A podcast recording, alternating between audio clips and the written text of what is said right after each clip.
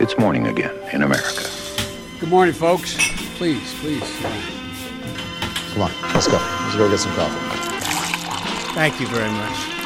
Det er onsdag 25. november. Det er 41 dager til senatsvalgene i Georgia. 56 dager til Joe Biden innsettes som president, og morgenkaffen er servert.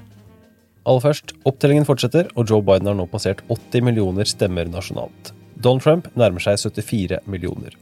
51% mot 47,1 Dagens første sak. Joe Biden er nå bekreftet som vinner av valget i Nevada, etter en rettsavgjørelse i delstatens høyesterett tirsdag. De siste dagene er også Bidens seier i Pennsylvania og Michigan sertifisert, og natt til tirsdag fikk Biden-kampanjen beskjed fra General Services Administration om at overgangen offisielt kan starte. Trump tvitret selvsagt om saken, sa blant annet at hans folk skulle samarbeide med GSA overfor Bidens folk. Kilder fra Det hvite hus bekrefter at dette nok er det nærmeste man vil komme en innrømmelse av nederlag fra Trump, og da har den avgående presidenten gitt seg selv mye spillerom. Senere på dagen presiserte presidenten at han ikke med dette innrømmer nederlag, og påpekte at det ikke er GSA som avgjør hvem som har vunnet valget. Dagens andre sak. Joe Biden presenterte sitt team på utenrikspolitikk og nasjonal sikkerhet tirsdag. Biden nominerer Anthony Blinken til utenriksminister og Alejandro Mallorcas til sikkerhetsminister.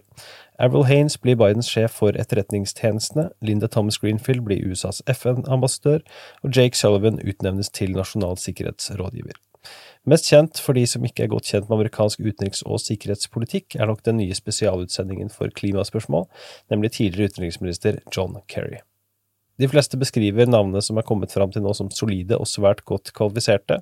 Sikkerhetsminister Mallorcas får også skryt fra partiets venstre side, mens enkelte er mer skeptisk til utenriksminister Blinken, som har rykte på seg som relativt Israel-vennlig, noe som også Joe Biden selv er. It's a team that will keep our country and our people safe and secure. And it's a team that reflects the fact that America is back, ready to lead the world, not retreat from it. Once again, sit at the head of the table. Wall Street Journal og flere andre har meldt at tidligere sentralbanksjef Janet Yellen blir finansminister, men sent tirsdag kveld var dette enda ikke kunngjort offisielt av Bidens overgangsteam.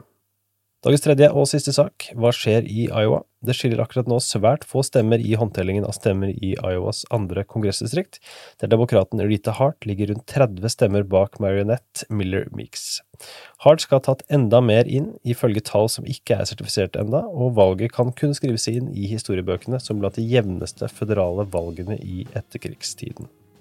Dagens utgave av Målkaffen er servert av Sigrid Rege Gårdsvold og undertegnede Are Togoklaten. Du leser mer på amerikanskpolitikk.no.